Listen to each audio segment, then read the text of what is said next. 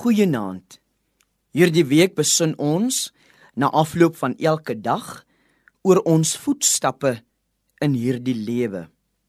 In Josua 3 verse 15 en 16 staan daar geskrywe: En net toe die draers van die ark by die Jordaan kom en die priesters wat die ark dra, hulle voete aan die kant van die water insteek, terwyl die Jordaan vol was op al sy walle al die dae van die oes bly die water staan wat van die bokant afkom. Dit het opgeruis soos een wal. Daar is die ou grappie van die kroegvlieg wat laaste in die kroeg agterbly nadat almal al geloop het. En dan vra hy die kroegman vir nog 'n drankie waarop die kroegman antwoord gaan jy nie huis toe nie?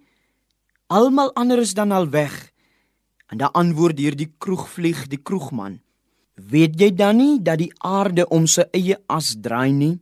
So ek versit nie 'n voet nie. Ek wag my huis om verby te kom." Nou ja, soms moet 'n mens wag vir iets om na jou kant toe te kom.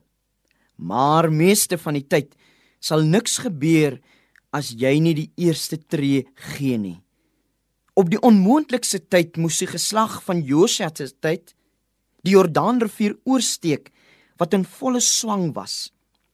In die lente was die Jordaanrivier op volle sterkte, aangehelp deur etlike syfertakkings wat die rivier van wal tot wal onoorkomlik maak.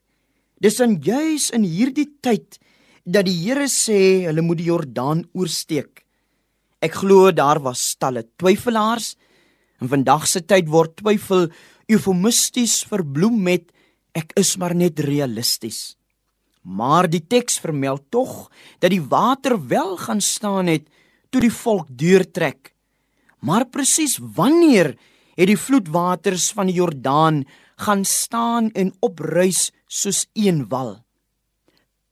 Het hulle eers gewag vir die laagwater om deur te trek? Beslis nie.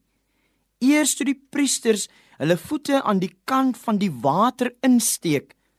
Toe het die bruisende vloedwaters van die Jordaan gaan staan en opruis soos een wal. Jou uitkoms en jou deurbraak is dalk om die draai. Dit lê op die bodem van die Jordaan wat jy moet oorsteek. Maar jy kan nie op die wal bly staan nie. Jy moet jou voete insteek. Here, rig ons voete u naams ontwil. Amen. Waagmoedig geloop.